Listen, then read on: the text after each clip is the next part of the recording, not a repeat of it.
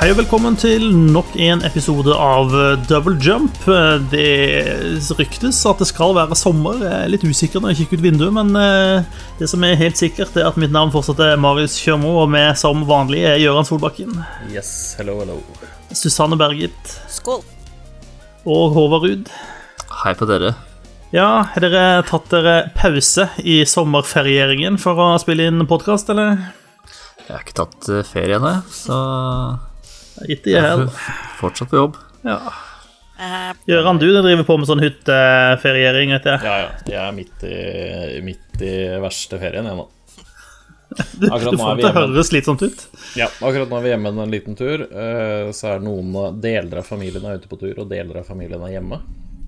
Ja. Så Derfor eh, sitter jeg her i dag, men vi skal til, videre på hyttetur neste uke, vi, så det Ja da.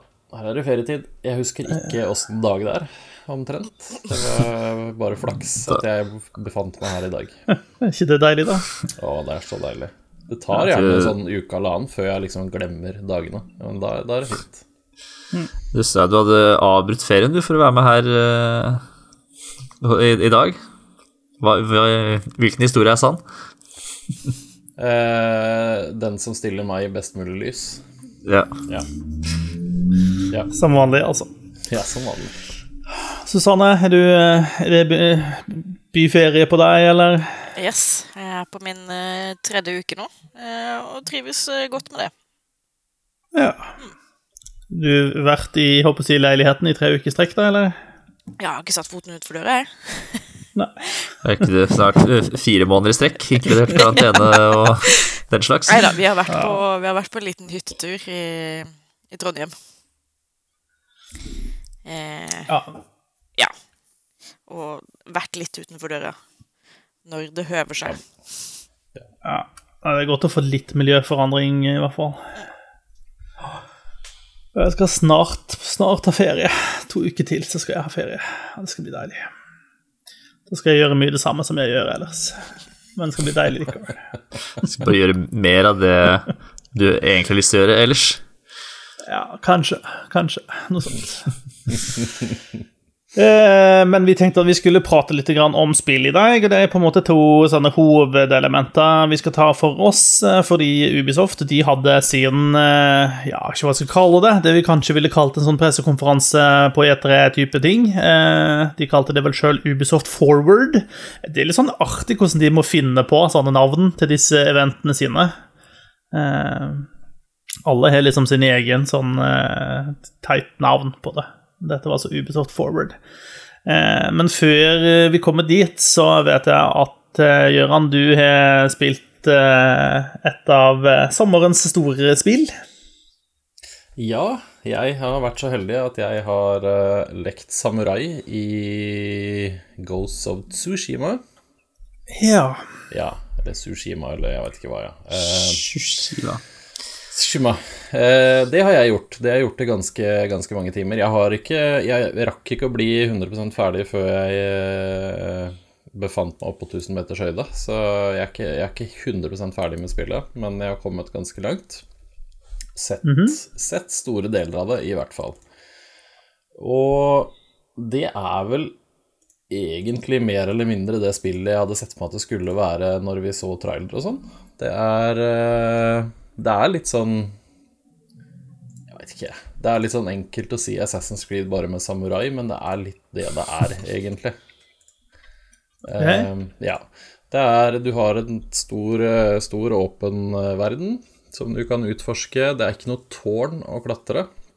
Åh, takk faen for det. Eh, Men det er noen sånne Det er noen sånne, ikke tårn, men sånne shrines som du må klatre opp til, eller kan klatre opp til. Som er litt sånn uh, plattform-puzzle-type greier. Men altså Ting skjer på Tsushima. Eh, mongolene invaderer og ødelegger og herjer og dreper og styrer, og så er du en av ikke veldig mange samuraier som overlever det første angrepet.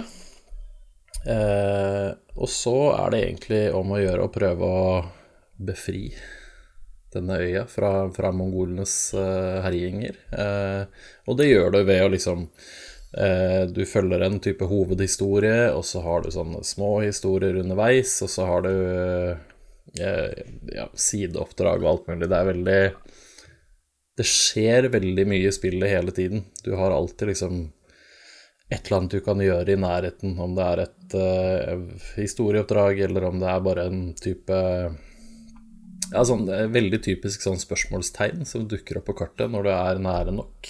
Uh, de er det mange av. Og det er uh, masse, masse forskjellige aktiviteter, og alt bygger egentlig til syvende og sist opp mot at du blir en bedre samurai enn det du var. og det er litt sånn på en måte litt rart, fordi du har trent for å være en samurai hele livet og er en voksen mann, men du har fryktelig, fryktelig mye igjen å lære, faktisk. uh, um, men hvis man skal ta det, det første først, da. Uh, hovedpersonen heter Jin Sakai. Han er, uh, han er en veldig, veldig sånn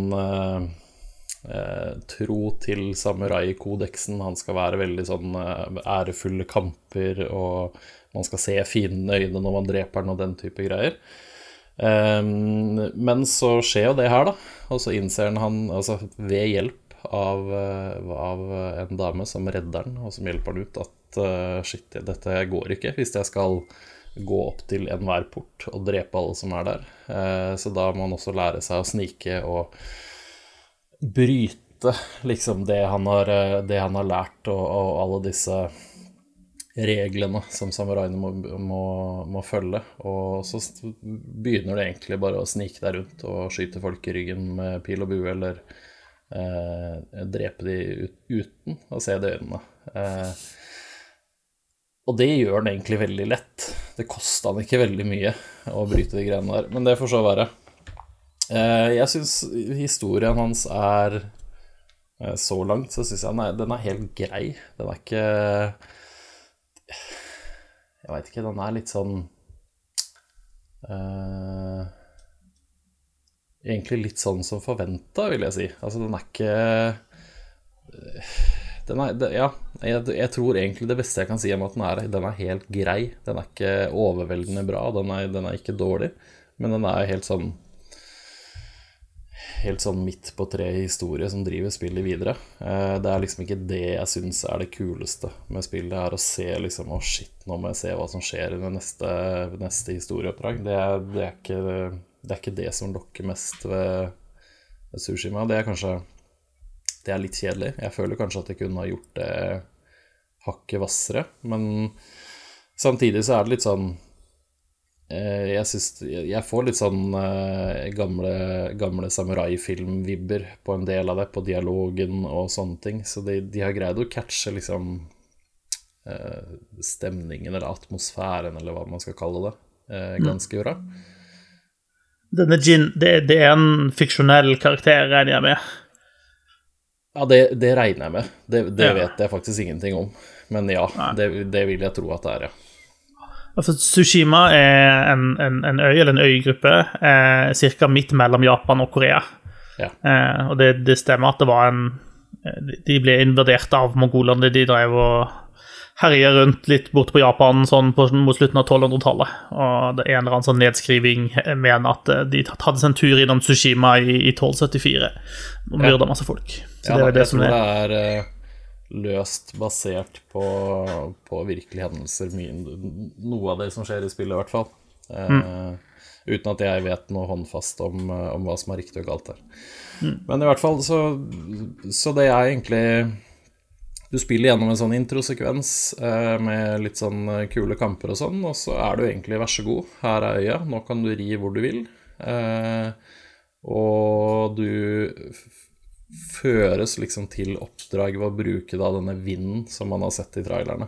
Den kan du liksom aktivere når du selv vil, og da blåser liksom ting den i retning dit du skal. Eh, det er ganske sånn eh, Ganske fiffig måte å gjøre det på, men du blir litt lei av at den vinden blåser så jævlig hele tiden etter hvert, faktisk. Eh, men den, den Altså du får et sånn vindkast når du liksom aktiverer den, og så demper det seg, men du kan allikevel se retningen sånn noenlunde, så det er ikke det at du liksom må hele tiden aktivere og aktivere. Um, mye av sideoppdragene er sånn type uh, Du kommer til en landsby, og så, som mongolerne har tatt, og så må du komme deg inn i den landsbyen på en eller annen måte. Enten snike deg inn og ta livet av folk, eller eh, bare gå opp til døra og si 'hei, kom og ta meg', og så får du en sånn eh, type sånn samurai-showdown der du står med hånden på sverdet, og så holder du knappen inne, og så skal du vente til han ene motstanderen din da eh, går til angrep, og hvis du timer det riktig og slipper knappen, så dreper du liksom idet du drar opp sverdet. Det er en sånn Jeg veit ikke, jeg husker ikke hva det heter, men det er en, det er en måte å liksom eh, gjøre det på for en samurai, i hvert fall. Så, og da, eh, etter hvert i spillet som du utvikler der, så kan du liksom ta han med en gang, og så kommer det da en til på deg, som du, hvis du timer angrepet riktig, så tar du han, og så kan du ta en til. Så du liksom går fra å ta én til å etter hvert kunne ta både to og tre i rappen sånn. Eh, og så tar du liksom utforsker det her og tar eh, eh, tar de mongolerne som er i den landsbyen, eh, og en leder, og så har du liksom befridd den landsbyen. Eh, og da får du erfaringspoeng, eller eh, det er en sånn type reputation eller sånn, tror jeg det kaller det, eh, som liksom øker. Og så får du skill points, som du da putter i masse forskjellige skill-trær. Altså det har samurai-delen av det har liksom to-tre forskjellige sånne greiner som kan oppgradere med nye angrep eller eh, sånne ting. Og så har du den ghost-delen, som er denne snike- snike-varianten av deg selv. Der har du masse forskjellige angrep, og du har sånne kunai-kniver, og du har eh, røykbomber, og det er sånne ting som du kan oppgradere, og du har angrep som du kan låse opp. Det er eh, veldig, veldig mye sånne systemer som liksom utvikler kampsystemet hele tiden gjennom spillet. Eh, det er litt mye, og litt sånn Kanskje litt uoversiktlig, men det går egentlig veldig greit. Det er ikke noe sånn superkomplisert noe av det. Det er veldig rett fram. Og det å liksom ri rundt og utforske denne øya og alt mulig sånn, det det er egentlig en av de tingene jeg synes er best med hele spillet, fordi de har jo lagd en veldig, veldig flott åpen verden. Den ser helt sjukt bra ut til tider. For de har ordentlig De har liksom veldig lekt seg med farger og, og blader og blomster og alt mulig sånn, så det er litt sånn eh, Sammen med Last of Us 2 og Red Dead og sånne ting, så er det et av få spill der jeg liksom stopper opp og tenker at shit, her må vi faktisk ta et skjermbilde, for det her ser helt sjukt ut. Eh, og det er sånn Alle de tingene er det, men så er det ansiktsanimasjoner og sånn, det er fortsatt litt sånn De er ikke helt der oppe med de tidligere nevnte spillene, men det funker helt fint. Men øya er kjempemorsom å utforske, og du finner shrines som du kan låse opp, som gir deg en sånn charm som du kan henge på sverdet ditt. Du finner sånne få eh, revehi som, som gjør et eller annet, og ja, det er masse forskjellige sånne type collectibles som du kan gjøre, som hele tiden liksom gir deg en type bonus. Og så finner du Finner du oppdragsgivere og, og sånne små events rundt omkring i verden. Eh, så det er egentlig det er, det er mye å utforske og mye å gjøre, og noe av det blir litt sånn Det blir litt likt, men det er også litt sånn Det er vel litt banen til åpen verdensspill, egentlig, at de ikke greier å variere de tingene like bra. Um, Det er mye kule hatter. det er veldig mye kule hatter. Det er masse kule samuraihatter. Eh, og pannebånd og alt mulig rart. Eh, Yes. ja. Bøttehatter. Ja, på en måte. Kanskje. Nice. Uh, jeg jeg ble veldig glad i For ganske, ganske tidlig i spillet så kan du uh, få med deg en sånn type samurai-klan som kalles Eller en sånn uh, leiemordere. Som heter Straw Hat Ronins, tror jeg de kalles, hvis ikke jeg husker helt feil. Og de har da bokstavelig talt sånne nesten sånne stråhatter som går liksom og dekker Dekker liksom store deler av huet og, og, og ansiktet og sånn, og så har de liksom bare lagd sånn litt sånn gløppe for ansiktet, sånn at du skal se foran. Den syns jeg er veldig morsom, så den har jeg på meg fremdeles. Åh, kult. Ja. Og jeg, jeg har også sett at du kan klappe rev i spillet. Det gjør du. Hver gang eh, man eh, finner en sånn uh, revi, eller fox den, som det heter i spillet, så går du liksom fram, og så eh, tar du et veldig sånt eh, ærverdig bukk til denne shrinen, og så står en rev og venter på deg, og da må du selvfølgelig klappe den reven. Åh, det høres ut som Game of the Year, dette her. Kule Ja. hatter og reveklapping. Ja, det er det. Så det, det er, mye, sånn, det er mye, mye sånne smådetaljer som er veldig, veldig kult underveis hele tiden, egentlig, med hvordan de, hvordan de liksom gjør Bygger verden da, på en veldig bra måte. Det syns jeg de har gjort bra. Ehm, og så er det liksom altså kampsystemet, da, som er liksom den, den store greia. Eh, det syns jeg det funker veldig, veldig bra. Der syns jeg de har gjort en eh, veldig god jobb. Det er det er veldig Altså, det er veldig Assassin's Creed, egentlig, på en måte. Sånn, eh, det siste, da, i hvert fall. Odyssey. Eh, der du har lettangrep og tungangrep med, med sverdet ditt. Eh, men så møter du forskjellige typer fiender. Der noen har spyd, noen har skjold, noen har tunge, svære våpen. Og det er det ikke alltid det går an å uh, parry, eller blokke. For du blokker vanlig sverdangrep. Det blokker du bare hvis du trykker inn en knapp. Men hvis du timer det sånn at du trykker på den knappen til riktig tid, rett før de angriper, eller idet de angriper, så tar du en parry, og da blir det åpne for kontraangrep, og da tar, dreper du det ganske fort, da. Og det er en veldig fin sånn balanse hele tiden mellom å være aggressiv og offensiv, og være litt mer defensiv og hoppe unna.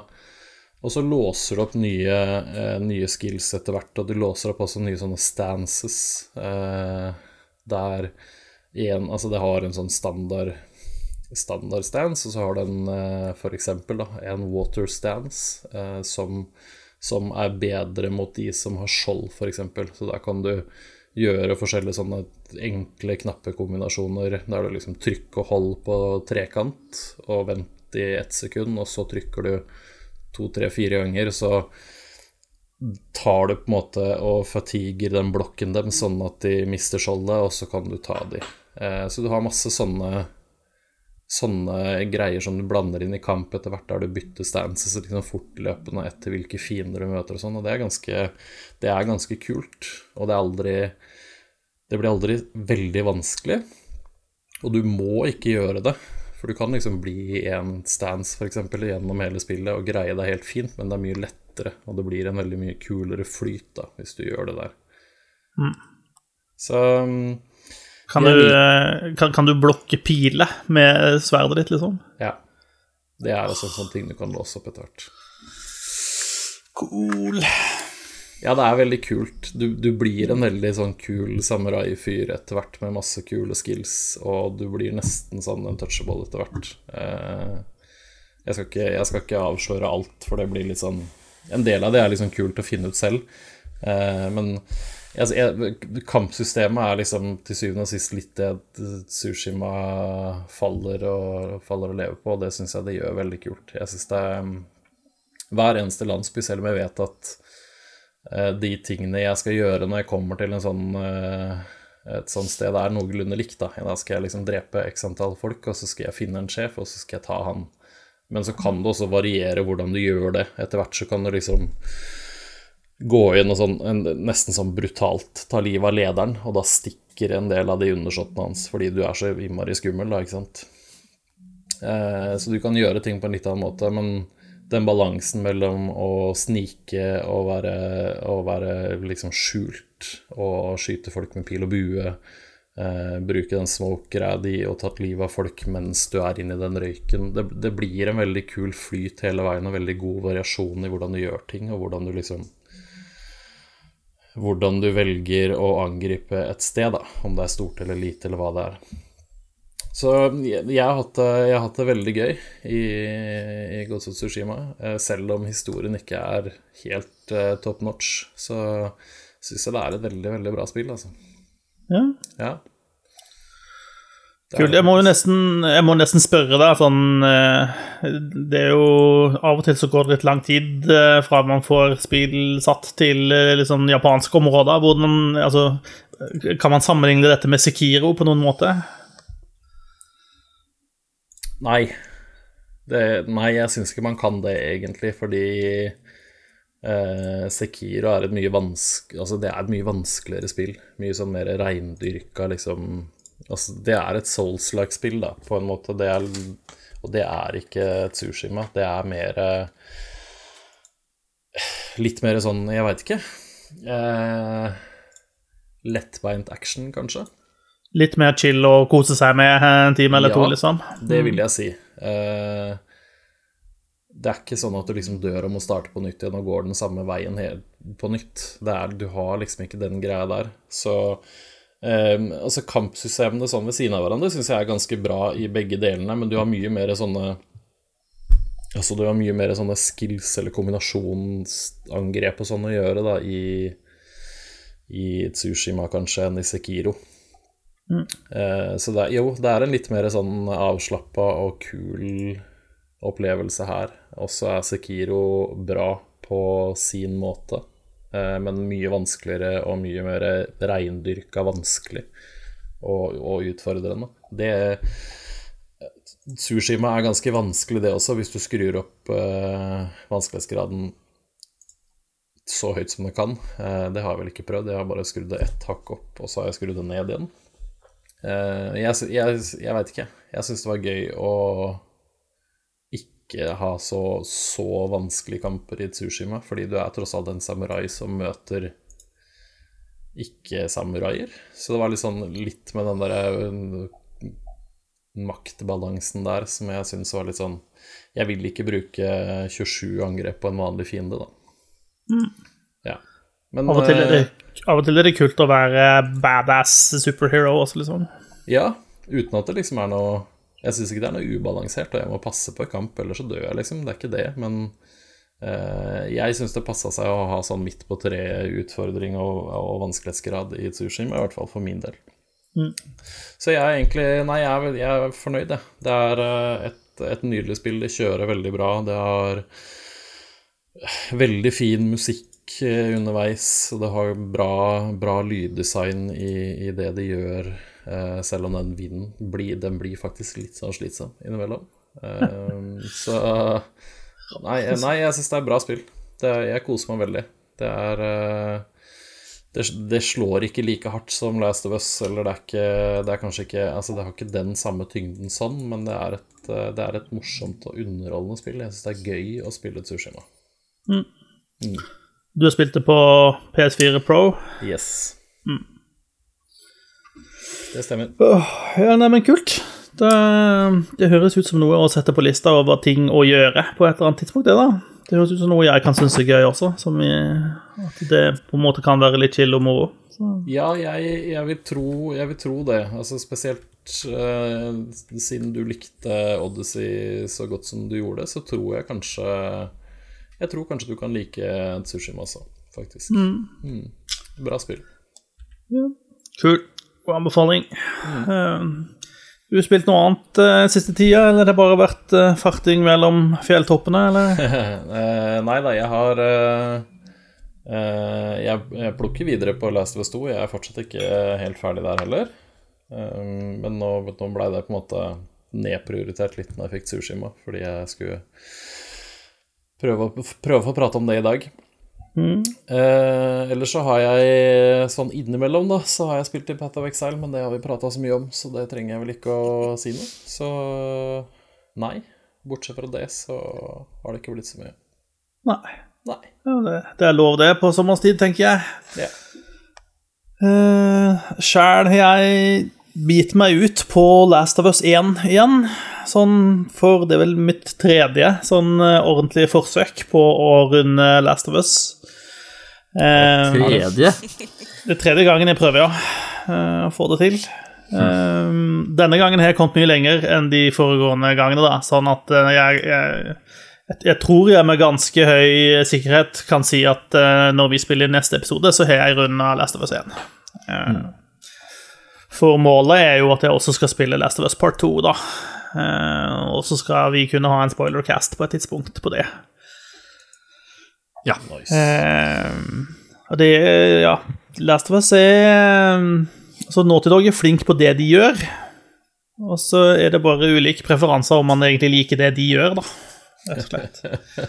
Ja, og for meg så er det en litt sånn eh, eh, Det er en uphill battle å plukke opp igjen spillet hver gang jeg har lagt det fra meg, kjenner jeg. Nå går det egentlig ganske greit når jeg spiller det, men når jeg liksom har lagt det fra meg, så tenker jeg ofte at tja, har jeg lyst til å spille det, ja? Har jeg ikke egentlig lyst til å spille noe annet i stedet? Så jeg må liksom tvinge meg sjøl litt da, til å fortsette på det eh, hele tida. Eh, men når jeg først er inni det, så, så har jeg det egentlig ok. Men det skal jo også sies, da, jeg har satt ned vanskelighetsgraden på liksom det enkleste. Eh, og mer eller mindre egentlig cru- cruise gjennom storyen i spillet, da.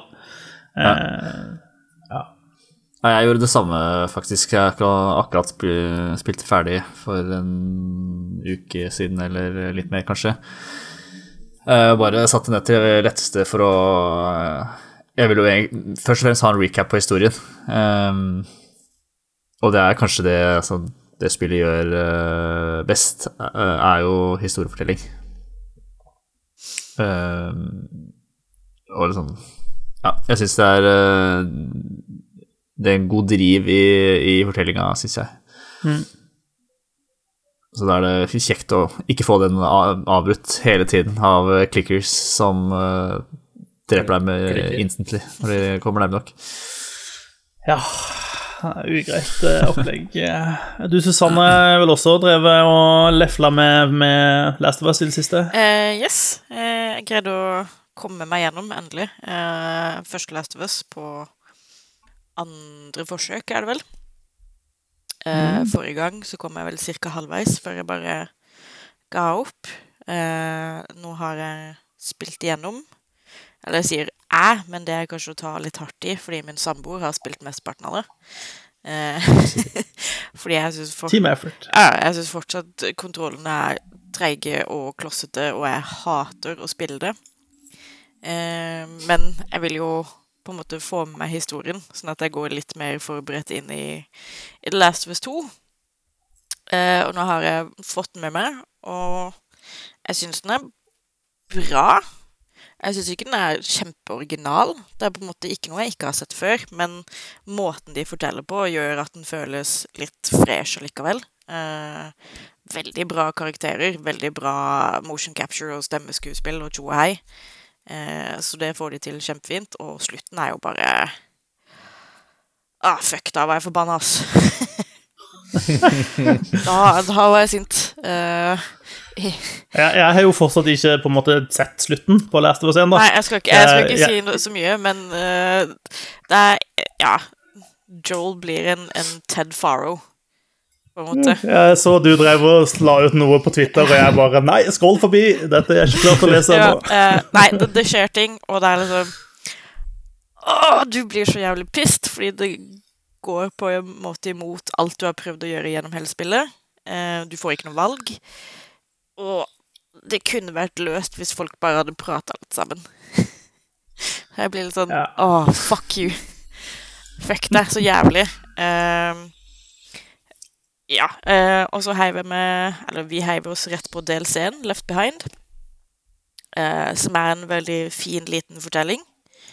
Uh, Ja, Er det, en, er det en, en lang greie, det, eller? Nei. Hvor, hvor, hvor lang tid tar det å spille gjennom den? Ja, tre timer maks. Ok. Ja. Eh, vi avslutta liksom eh, Last of Us, og så gikk vi rett på DLC-en. Og så ble vi ferdig med den i løpet av ettermiddagen, liksom. Eh, Det er en fin liten fortelling som gir oss litt mer Litt mer av Ellie, da. Og, og ting som skjedde med henne før hun møter uh, Joel. Eh, eneste problemet er at det er en liten fortelling. De har liksom, de har hatt en idé, de har hatt et konsept, de har hatt ting de har hatt lyst til å si, men de har liksom ikke hatt nok å si til å fylle et helt spill. Eh, så de gjør eh, det samme som de gjør i Last of Us 2. Eh, de driver og padder med, med flashbacks. Eller i, i DLC-en sitt tilfelle så blir det vel egentlig flash forwards eh, Et eller annet. Eh, de driver i hvert fall og hopper eh, mellom Ja. forskjellige tidsperioder, da, for å liksom padde det som skjer i selve spillet. Så det føles litt, litt unødvendig. Eh, det er det samme problemet jeg har med, med part, part two. Eh, det er ikke alle de flashbacksene som dukker opp, som er nødvendige. I hvert fall ikke de av Ellie sine, fordi de kunne like gjerne være, vært håndtert som eh, liksom innlegg i dagboka si, på en måte. Og det hadde funka like greit. Eh, jeg er kommet til Jeg er kommet et stykke. Jeg er ferdig med Jeg har begynt på dag én igjen. Bare sett fra den andre sida. Jeg vet ikke hvor mye jeg skal si før det blir spoilere. Eh, Ikke, si, ikke si så veldig mye, du. Nei. jeg. Så lite som mulig. Eh, jeg syns de har gjort en god jobb uh, med å bygge videre på, på Last of Us, og virkelig hamre inn at uh, noen i Last of Us er en kjempedrittsekk. Eh, og får litt sånn som fortjent. Eh, får han det på den måten det er fortjent? Kanskje ikke, men uh, he had it coming. uh. Ja. Det er en konflikt der som sparker i gang liksom hele Hele den store konflikten, da, i, i uh, i The Last of Us Part 2, som har på en måte kjempestore gresk tragedie, norrøn ettersaga, eh, italiensk western-vibber, på en måte. Eh, og minner veldig mye om I Am Legend, blant annet. Eh, og da snakker jeg så klart om boka, ikke, ikke filmen, som er en abomination, hvis man har lest boka, men som står greit på egne bein.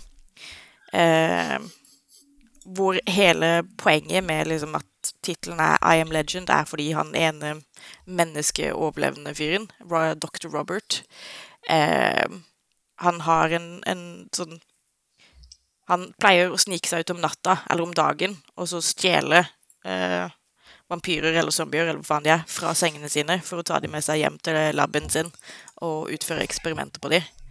Eh, og han blir jo senere Han må jo senere møte konsekvensene av det han har gjort, fordi disse vampyrene eller zombiene eller hva faen de er, er sentient eh, og har danna sitt eget lille samfunn. Eh, så de lukker han i en felle og stiller han for rettssak eh, for eh, sine kriminelle handlinger mot zombiekind. Så han har på en måte blitt en, sånn, en slags boogeyman, da, eh, hos disse, hos disse vampyrene. Eh, og det er det samme som skjer i i The Last of Us Part 2. Eh, med, med hovedkarakteren der. De blir, de blir på en måte eh, hver sin boogeyman i hver sin fortelling. Eh, Mm. Og det er ganske kult. Eh, men det er helt klart en av de som har rett, og en av de som tar veldig, veldig feil. Eh, og kanskje følger i fotsporene til noen de ikke burde følge i fotsporene til.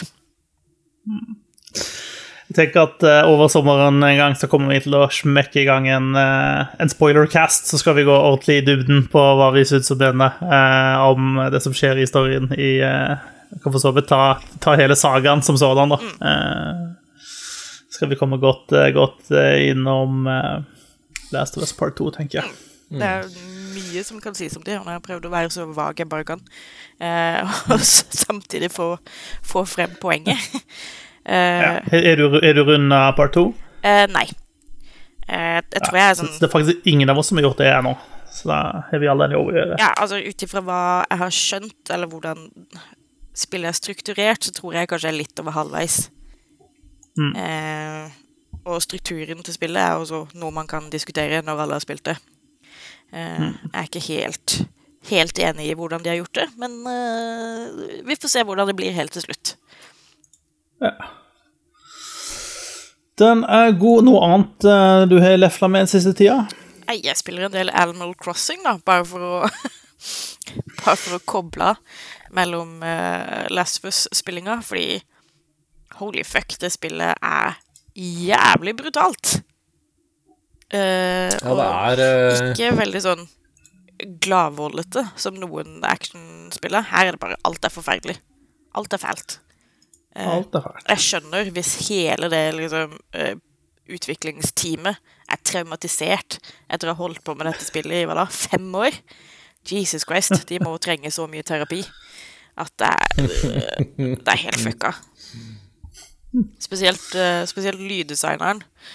eh, Eller lyddesignerne, fordi hver gang du utfører, utfører et, eh, et hjemmemord, eller hva man skal kalle det, a self-kill.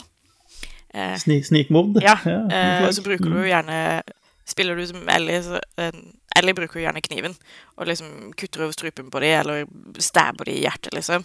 Eh, og du kan høre dem ligge og liksom gurgle og drukne i sitt eget blod en god stund etterpå. og det kan Ja, det ganske- være altså- sunt å, å jobbe med det dag ut og dag inn, tenker jeg.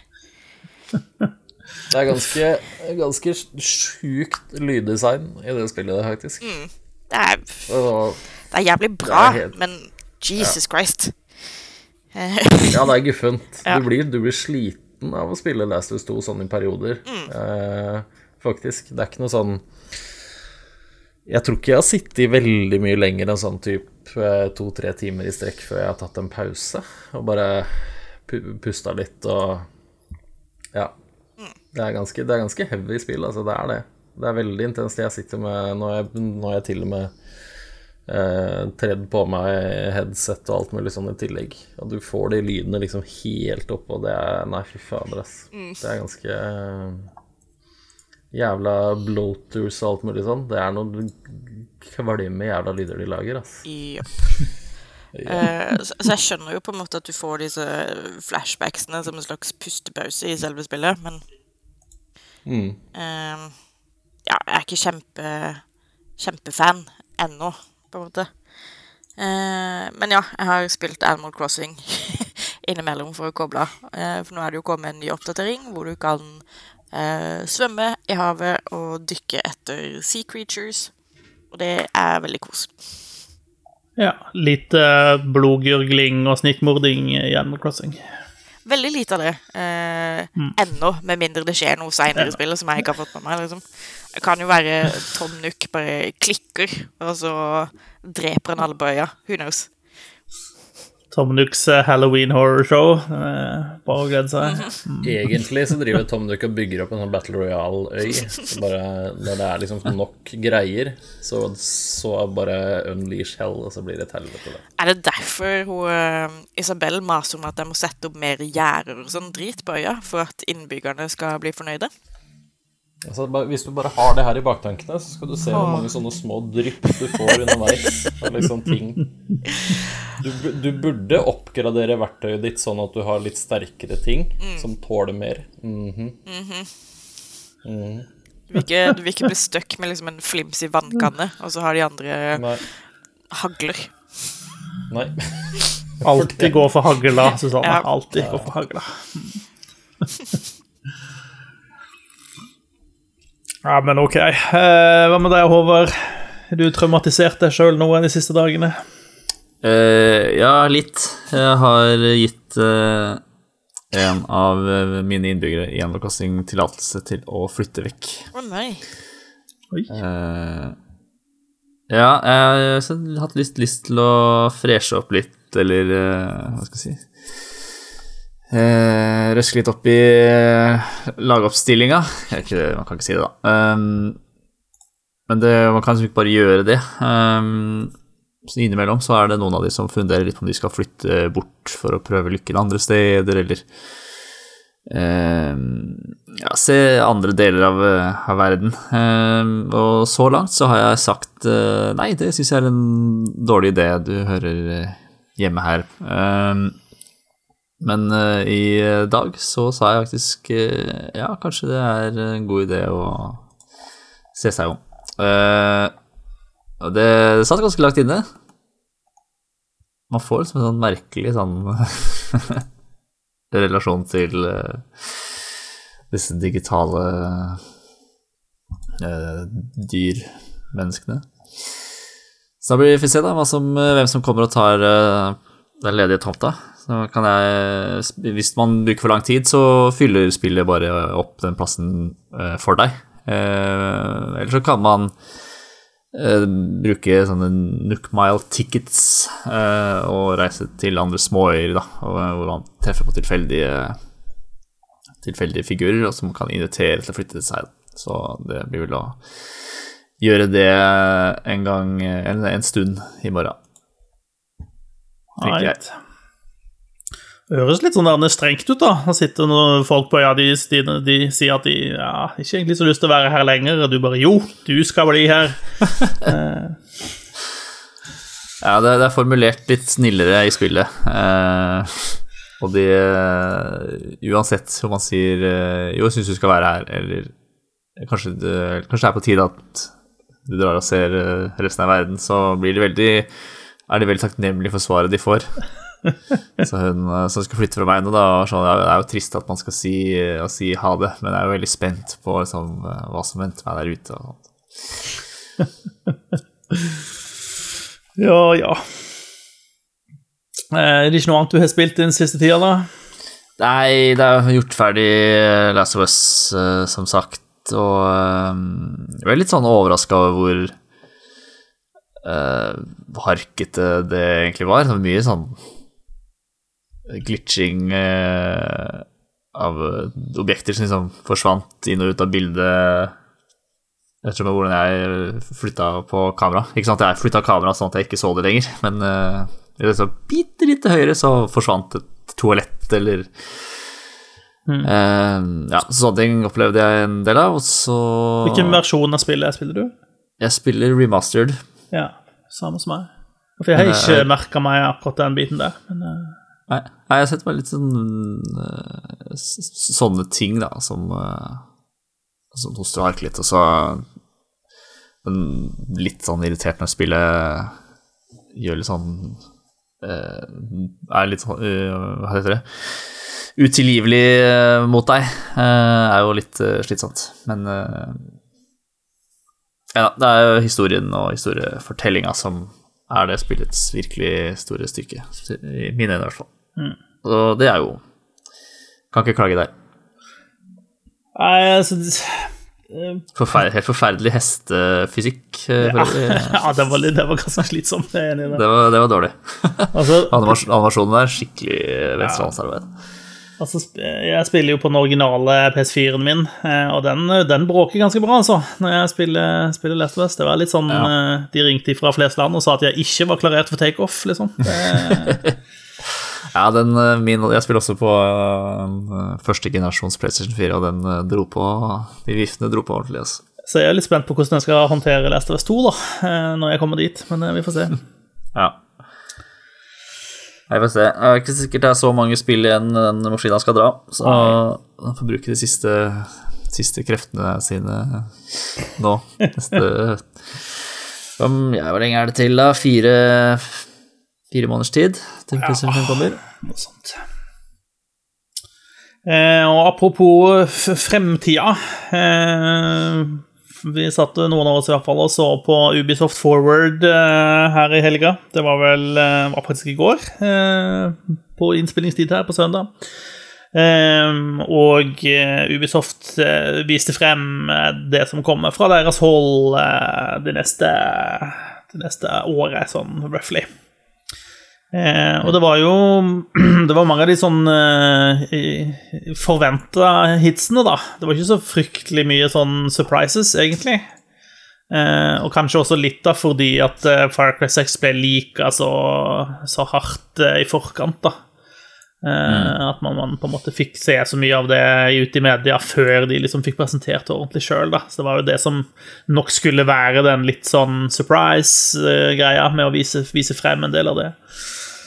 Men uh, i hvert fall de starta med, med Watchdogs Legion. Uh, og her har de uh, De har drevet og kjørt eh, Det kan jeg jo si litt på siden av, da. De har drevet og kjørt noen sånne harde uh, mediekampanjer på disse spillene, sånn at eh, både Watchdogs Legion og eh, Assassin's Creed Valhalla har de hatt en spillbar versjon som en god del journalister har fått spille, og som har hatt De har vel hatt sånn embargo på det cirka nå, liksom. Eh, Sånn at det skulle sammenfalle med, eh, med denne presentasjonen. Eh, så jeg tror både Watchdog Legion og Assassin's Creed Valhalla har, journalister fått en sånn tretimersversjon og sittet og spilt. Så, så for de som på en måte ønsker litt sånn in-depth eh, inntrykk av det, så finnes det massevis av det rundt forbi ute på nettet nå. Men eh, Watchdogs Legion, hva syns dere om det som ble vist? Det var jo, De brukte ganske mye tid på det. Jeg brukte mye tid på å ikke si så mye, egentlig, syns jeg. Det var ikke noe eh, som jeg på en måte ikke har sett før i eh, hermetegn. Ja. Syns ikke de Det var ikke noe som Altså, jeg føler de sa veldig mye av det samme på E3 i fjor. Eh, kanskje de sånn viste litt eh, mer konkrete eksempler på hva man kan gjøre i, Ja. denne gangen, men uh, Og det gikk vel på en måte Jeg, jeg skjønte det Jeg ikke skjønt det helt 100% men altså det, greia, greia er jo at du, du på en måte hvem som helst kan bli verva inn til, eh, til dette eh, DeadSec, eller hva det heter. Ehm, og alle NPC-ene kan, kan verves inn i dette. Og jeg fikk liksom litt inntrykk av at de forskjellige NPC-ene var på en måte litt sånn ulike klasser, eller noe sånt. Altså At de hadde på en måte litt sånn egne egenskaper som, som ikke alle hadde. Men jeg er litt Ja. usikker på om det var bare fluff, på en måte, eller om, eh, om om det var sånn faktiske egenskaper som du måtte ha den typen person for å, med deg for å liksom kunne gjøre. Jeg, synes, ja, jeg, jeg fikk det også veldig inntrykk av at de var eh, som det første eller som det andre. Vi syns det så ut som det første, altså at det er eh, er klasser. Ja.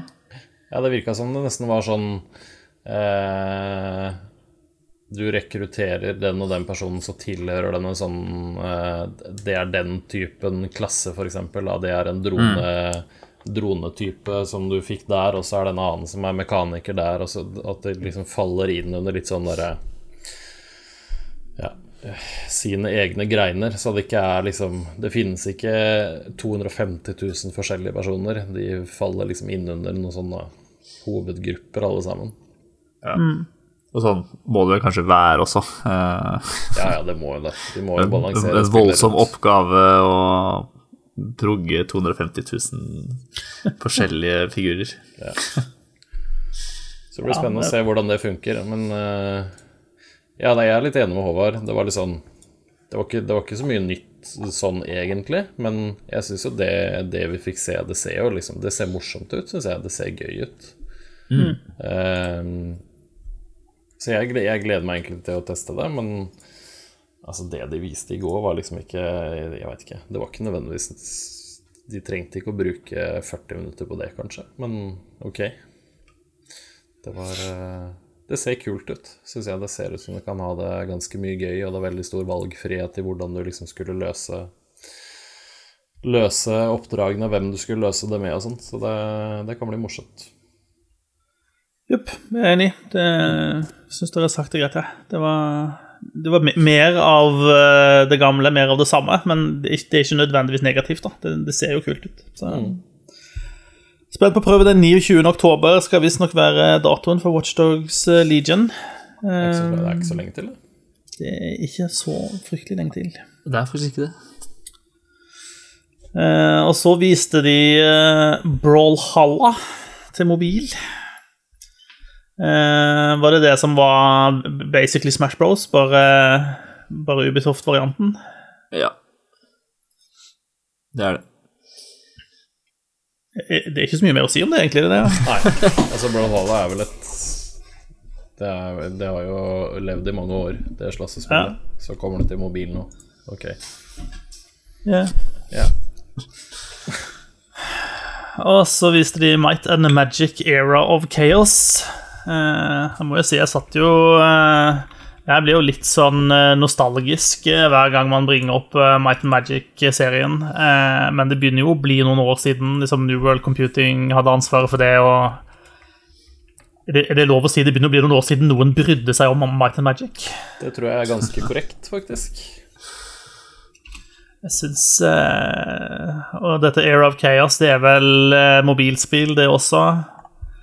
Eh, det, det er ingenting med det som, som engasjerer meg. Eh, de har valgt å gjøre det til en sånn der tegneseriestil som gjør at det Det ser veldig generisk ut, da.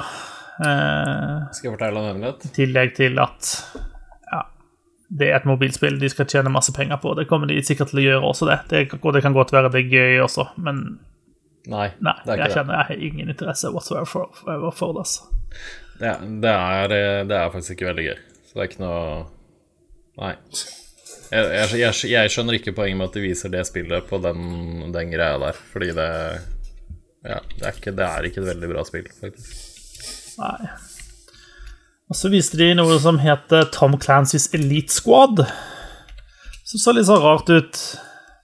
Jeg skjønte heller ikke så mye av. Det Litt sånn cartoony, Fortnite-aktig grafikk. Eh, med en gjeng som skulle prøve å bryte ut en eller annen som er sikkert er kjent fra Tom Clancy-serien.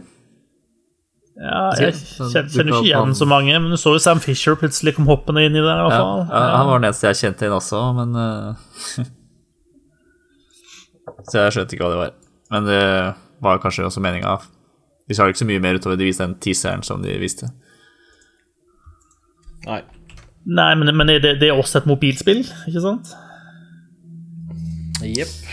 Ja. Det er det. Det var det jeg også fikk inntrykk av. Så det, Ja. sånn, det, det fikk du på en måte ikke vite før liksom helt på slutten. Det var litt sånn, Jeg tenkte, satt liksom og tenkte at dette kan jo kanskje bli ok, og så igjen, altså. Med en gang det er liksom bare IOS og, og Android, så mister jeg ja, interessen, altså.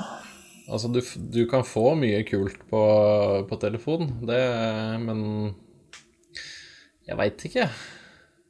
Jeg syns det, det er litt sånn Ubisoft har vært sånn Hei, folkens, det er mye penger i mobil. Hvordan kan vi lage spill som gjør at vi tjener mye penger? Og så har de begynt å lage spillene etterpå. Og jeg føler kanskje de lager det litt på sånn feil premiss. Eh, for de prøver å treffe så bredt, og de prøver å liksom Ja, nei. Eh, nei. Jeg er ikke helt med på den, jeg. Men det gjør også at det, altså jeg føler at den traileren vi fikk se, da, jeg kan ikke skjønne annet enn at den må gi et fryktelig feil inntrykk av hva det spillet er for noe. Jeg Det- tenkte jo umiddelbart at dette var litt sånn Team Fortress-aktig opplegg, eller noe sånt noe, men mm. jeg kan ikke se for meg at det er det som er realiteten i det når det kommer ut. Nei. Det Nei. Ja, nei. Jeg, jeg, ja, jeg er litt der jeg nå, at jeg er sånn nei. Jeg, hvorfor gidder de? Hvorfor, uh, hvorfor bruker de tid på det her? Ja. Men det er for å tjene penger, så jeg skjønner det. Ja. Men eh, jeg syns det Jeg syns det ikke kan, kan ikke lage liksom Husker du Du, du husker det, Marius, de gamle SWAT-spillene? Jepp. De var kule, de. De husker jeg jo. Husker du òg? Er ikke ja, det er kanskje De er såpass nye, de. Det går litt i surr for meg, vet du. Nei, de er ganske gamle, de originale sånne Ja, noe sånt syns jeg Skal si at jeg husker SWAT 4, da. Det er det jeg husker. Ja, det er Eh, Men det er det klart, jo da, men den typen spill Jeg vet ikke om vi Jeg tror vi er ferdig. At det er så, de, den typen spill Det ble for liksom innfløkt og for eh, kronglete. Folk, Fest, Kidsa ja. i dag vet du, de liker litt mer action, og Ja, det skal skje ja. litt ting og sånt. Ja. Jævla kids, ass. Ødelegger alt. Ja, ja. Eh, Noe de valgte å bruke ganske mye tid på, var Hyperscape. Hyperscape. Eh, det har de brukt det- tid på tidligere òg, for det har de gitt masse streamere tilgang til for eh, Var det en eller to helger siden, tror jeg. Yes. Mm. Eh, og det er et free to play-spill. Eh, det ser jo ut som de har lagd en verden som er litt sånn eh, Ready Player One, kommersialisert The Matrix-opplegg går det. Ja. Som skal være en Battle Royale-variant. Som er litt sånn fast og cartoony og eh, veldig meta, på en måte, da. Fordi at alle karakterene er veldig De vet at de er i en Battle Royale. Eh, Ja. ja. Det så veldig slitsomt ut. Det Ja, ser det ikke så- ut som noe for gamle folk. Eh, Nei. Det, det så ut som et spill for kidsa, faktisk. Ja, nei. Det, det er jo åpen beta på det nå, så det burde man kanskje laste ned og prøve å se hva det er for noe. Men jeg, ja, jeg, jeg stiller meg bak det at jeg syns det så litt slitsomt ut. Ja, jeg er egentlig enig, men jeg syns law-biten og sånt og rundt det synes jeg egentlig virka litt, var litt kul. da. Jeg synes de, de, liksom, de har lagt litt arbeid inn i å lage liksom innpakninger og det som er rundt spillet. Ja, Eh. en, sånn, en forklaring på hvorfor disse 99 menneskene er her for å skyte på hverandre, på en måte. Ja, Og hele den eh, Ja, den Matrix-aktige greia om at liksom, de kobler seg på et nettverk og lever i en sånn digital eh, parallell verden, så var det ganske Det var Gøy. veldig kult, men så er det veldig kult helt fram til du skjønner at du sitter og spiller Battle Royale-spill. Og da blir det sånn Å, ok. Ja. Jeg, jeg, kunne liksom se for meg at de utvider de greiene her, da. Så de bygger inn andre sjangere eller noe sånt. Jeg har bare sånn snikende følelse at de prøver å legge opp til det for seg sjøl her. Det var litt åpent for det, i hvert fall. Det var nok det. Ja, alt avhenger vel av eh, kommersiell suksess, tenker jeg. sannsynligvis. Som det ofte er. Um, og så fikk vi se mer av Assassin's Creed eh, Valhalla. Jau. Ja, Ja. det så jo ut som et Assassin's Creed-spill, for så vidt. Pluss litt, eh, litt freshere, da. var jo ting man ikke hadde sett i Assassin's Creed før der også. Ja da. Uh, men det var litt sånn eh, Jeg vet ikke Var var det så mye nytt å se her som vi altså, Jeg føler vi på en måte Vi har jo sett disse tingene før. Vi vil se eh, litt mer sånn eh, Vi så blant annet en, et, eh, noen som brukte et, et skip til liksom å ramme ned eh, det som så ut som kanskje var inngangen på en festning, eller et eller annet sånt noe. Eh, som, som jo så litt kult ut. og så kanskje på en måte omgivelsene er noe mer dynamiske i, i Valhalla enn tidligere. Eh, og de snakket jo om at det skal være sånne store sieges, da. Og at det på en måte skal være en greie. Uh, og de viste vel at du driver og løper med en sånn rambukk uh, for å slå ned en inngangsport og litt sånne ting. Eh, så den biten kan jo være kul. Jeg er veldig spent på den der mekanikken med å bygge den der byen, eller hva, hva det nå er for noe. Det, du på en måte skal samle ressurser til, da. Ja. Og utvide den der eh, villagen din. Eh, det er et sånt element som jeg vet at eh, jeg kan synes er kult, hvis de har gjort det riktig. Eh, men jeg fikk ikke se så veldig mye mer av akkurat det heller. Men, eh, men ellers så ja, det ser, ser jo ut som Assassin's Creed. Eh, de, de nyere versjonene av Assassin's Creed. Det ser jo ikke ut som Assassin's Um, Creed. Det ser ut som de nye Assassin's Creed-spillene. Ja. Ja. Altså, Det er det, det gjør, og de har jo på en måte åpna opp for en del sånn eh, Litt sånn overnaturlige greier også. Det gjorde de i hvert fall i, i Odyssey, eh, og det ser det ut som de har her også. Eh, Så jeg er litt spent på hvor, det, i hvor stor grad eh, de spiller på den biten. Men de har liksom gått bort ifra den der at det skal være litt sånn erkehistorisk opplegg. Er det Odyssey som er best av de to nyeste? Ja, Ja, Ja. det vil jeg hevde. det er det. Origins snudde på en måte trenden og gjorde mye riktig, eh, og så bygger Odyssey videre på det på en veldig god måte. ja. Jep, Det det er fortsatt forbedringspotensialet, og det er liksom en del av mekanikkene og systemene i spillet som er sånn De er nesten der, på en måte. Du føler som at de, de er inne på noe, men de, de, de klarer ikke helt å dra alt i land. Men så med den borgerkrigen som liksom foregår, den, den blir liksom litt sånn Ja. Tam. Det er bare noe som foregår der, på en måte, som du ikke forholder deg så veldig mye til, egentlig, føler jeg. Det, det er ikke engasjerende nok å egentlig bry seg om den så mye. Så litt sånne ting. Så jeg er spent på hvordan de gjør det. De portretterer jo et bilde av Storbritannia som er i full kaos, egentlig, med interne kriging mellom masse forskjellige ulike eh, høvdinger. Eh, og her kommer du rullende inn med vikinghorden din. Så nei, jeg, jeg er spent. Jeg er gira, jeg. Eh, For Assassin's Creed kommer 17.11. Eh, ganske ballsy, egentlig, å slippe det så kort tid etter Watchdogs Legion. Eh, og med Cyberpunk eh, rett rundt uh, i den egninga der også, så kan det bli en uh, travel senhøst, altså. Det blir busy opp mot jul. Og så er det litt sånn Det som er litt sånn leit med det her, da, er at du veit at Watchdogs og Assassin's Creed og, og Cyberpunk Det er ikke sånn Det er ikke sånn titimersspill, noen av de. Ikke det. Nei. Og det er mest sannsynlig ikke 20- eller 30-timersspill heller. Du begynner liksom å skulle runde 40-50-60 timer på alle spillene, tenker jeg. Ja. Altså, Odyssey er jo Jeg tipper du lett kan synke 70-80-90 timer i Odyssey uten å bli ferdig. Mm. Så ja. Og, og, og Cyberpunk er jo et spill som jeg tenker at kanskje man har lyst til å spille gjennom flere ganger. Også. ja.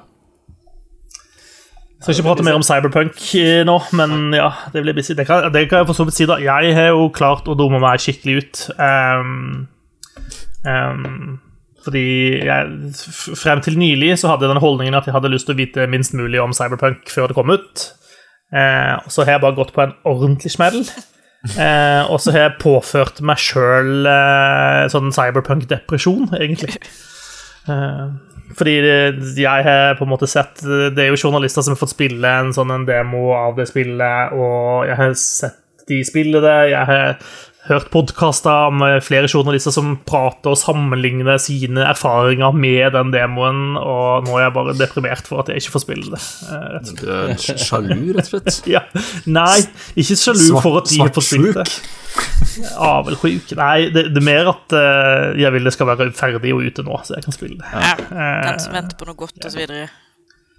Blæ, blæ, blæ, blæ. Blæ, blæ, blæ, jeg allerede venta jævlig lenge. Tre måneder på overtid, eller noe sånt. Fire. I've done my waiting! Twelve years of it! Altså, Ja. de som sier det, de har aldri venta på noe som er ordentlig godt. For de veit ikke helt hvordan det er. Uansett, noe annet som vi må vente litt lenger på, er det siste som eh, Ubisoft skulle vise frem, eh, og det var jo da nevnte Far Cry 6.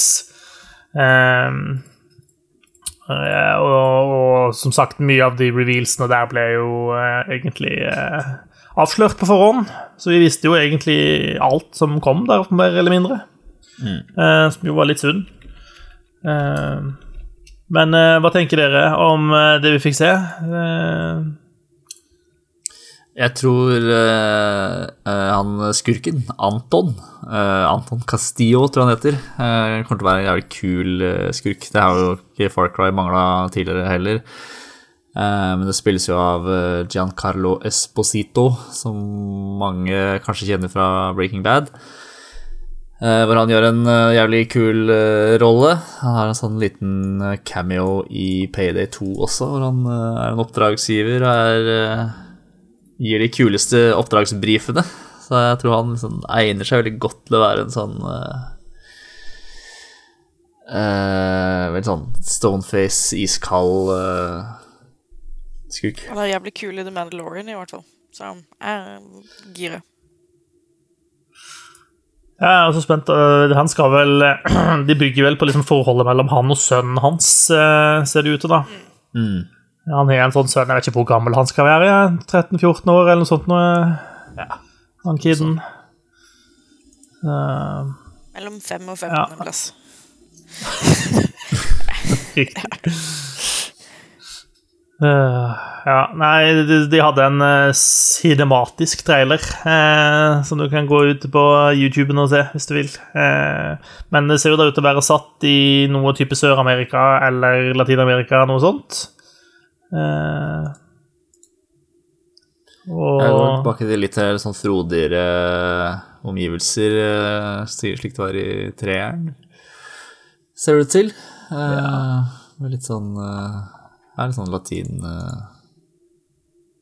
Eller latinamerikansk by og opprør og litt sånn som han han Anton Castillo sikkert vil ha litt lyst til å tøyle. Ja, altså Man får jo litt sånn Cuba-følelse eh, når man ser traileren. da. Eh, så skal det jo helt sikkert ikke være akkurat Cuba, men det, det, det, det er litt den filen man får når man ser den. Eh, det er det. Vi får nok se mer av Far Cry eh, fremover, tenker jeg. Eh, og så, på et eller annet sted midt inni denne presentasjonen, så fikk vi også et lite glimt av håper jeg, gamle bestefar Ubisoft også. Han Yv eh, Shilom, eller hva nå han heter for noe. Eh, ja. Eh, han var blitt gammel, for øvrig. Eh, sist jeg kanskje husker at han var så gammel blitt, men det var han. Eh, men eh, han kunne i hvert fall avsløre at eh, Men dette er jo ikke alt. Det kommer mye mer. For de skal ha en ny Ubisoft Forward om en stund, der de skal vise mer ting. Apparently. Ja, det er jammen bra, fordi det er jo et stort gapende hull etter denne første Ubisoft Forwarden. Hvor er Just Dance? Det var det, var det du savna? Ja, jeg kan ikke skjønne det. Det er jo alltid uh, i, i Ubisoft sine E3-presentasjoner så pleier det å være et helt forferdelig dansenummer. Hadde det vært live, så hadde det nok vært der, men det er nok kanskje litt uh, Derfor kanskje det er noe som gjør seg godt live, altså. Jeg vet ikke. Ja, kanskje. Uh, eller så var det vel uh, eh, som vanlig eh, ingen nyheter om Beyond Good and Evil 2. Så who, who knows om det spillet faktisk fins ennå, eller ikke? Ja, det får vi se. Nei, kanskje det blir neste gang, det, da. Ja, kanskje. Ja, jeg tenker jo også at de kanskje burde snakke litt om den opprydninga som skjer i, internt i Ubisoft, kanskje. Det hadde vært en Ja, for det er jo nevne. Vært masse anklager om seksuell trakassering med mer i Ubisoft. Flere av, eh, av mange ledere i eh, Ubisoft har måttet gå på grunn av det. Eh, og det ble jo ikke nevnt med et ord. De var vel ute i forkant og la ut en sånn melding på Twitter hvor de sa noe sånn som at vi, er klar over at dette skjer, vi kommer ikke til å adressere det i Ubisoft Forwarden fordi alt dette er ferdig innspilt, eh, forhåndsproduserte greier. Eh, men eh, vi, ønsker å rydde opp, vi ønsker å, være bedre, eller et eller annet sånt i den duren, sa de vel. Og det På den ene siden så kan man jo si jo da, det er jo fint at dere adresserer det. Samtidig så er det, føles det ganske sånn Ja, business first ut, da. Ja. Penger først og folk etterpå, på en måte. Ja, de er jo ikke alene om det her i verden, men eh, Nei, men det er ikke en unnskyldning. Nei, det er ikke det. Det er ikke det.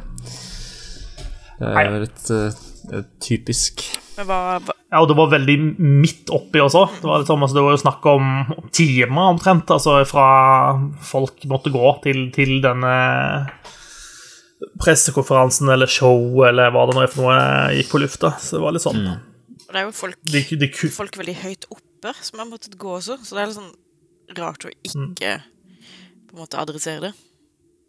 Jeg syns jo kanskje gjerne CEO-en Dissen burde gått også, men uh, han har greid å klore seg fast i jobben.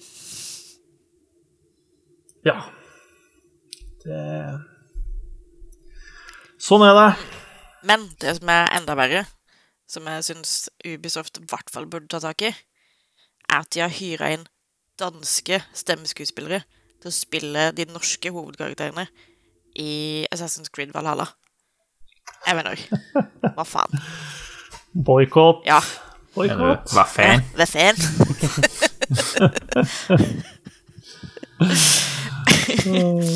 Ja, det er, det er litt uh, shame, faktisk. Skam dere. Ja, så det blir seks av ti, det. Så, så enkelt det er ja. det.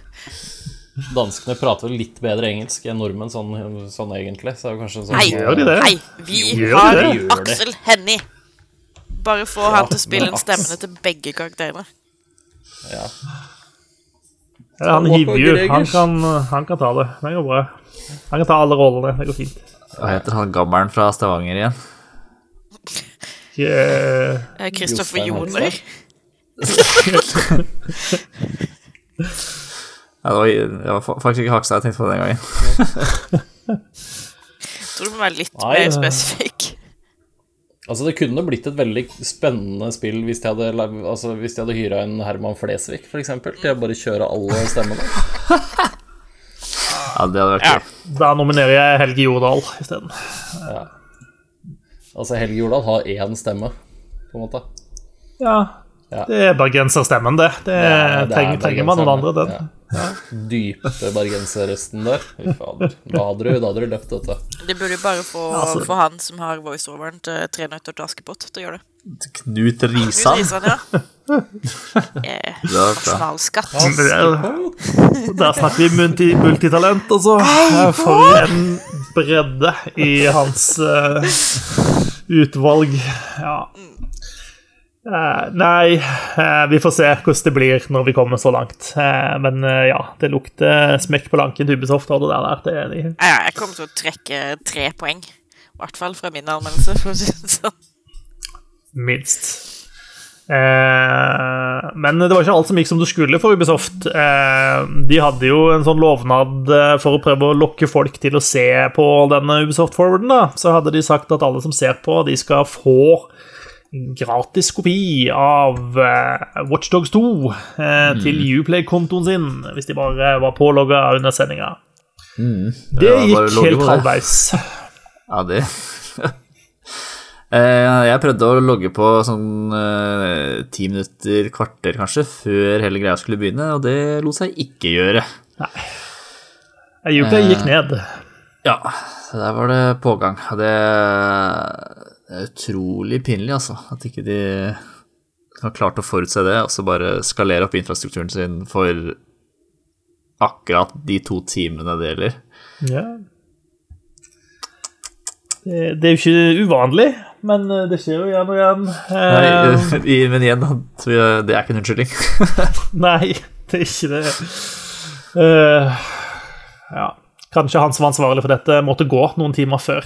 Uh, knows? Eh, I hvert fall eh, for å bøte på dette, da, så har Far Cry Nei, så har Ubisoft i ettertid gått ut og sagt at alle som har en Uplay-konto, skal få det spillet gratis, uansett om de klarte å logge inn eller ikke i løpet av sendinga. Det er mye mye penger tapt, ass. At han ikke liksom har klart å sette opp noe skyarkitektur uh, i forkant. Ja, godt mulig. Ja, det. Det er ikke mine penger, si. Ubisoft har vel nok av det også. Who knows? Noe penger her, i hvert fall. Um, ja, det var egentlig det fra, fra forwarden. Jeg vet ikke, Har dere noen sånne avsluttende kommentarer? Var, det, var dere skuffa over det de viste frem? Var det uh, Det var ikke helt den der E3-schwungen over det, syns jeg. Men uh, så blir det jo kanskje når uh, alt er forhåndsinnspilt, og du ikke har en sånn eh, snappy lady som er konferansier og leder showet. Ja, jeg syns det var sånn eh, helt, eh, helt greit. Ryddig, stødig eh, presentasjon.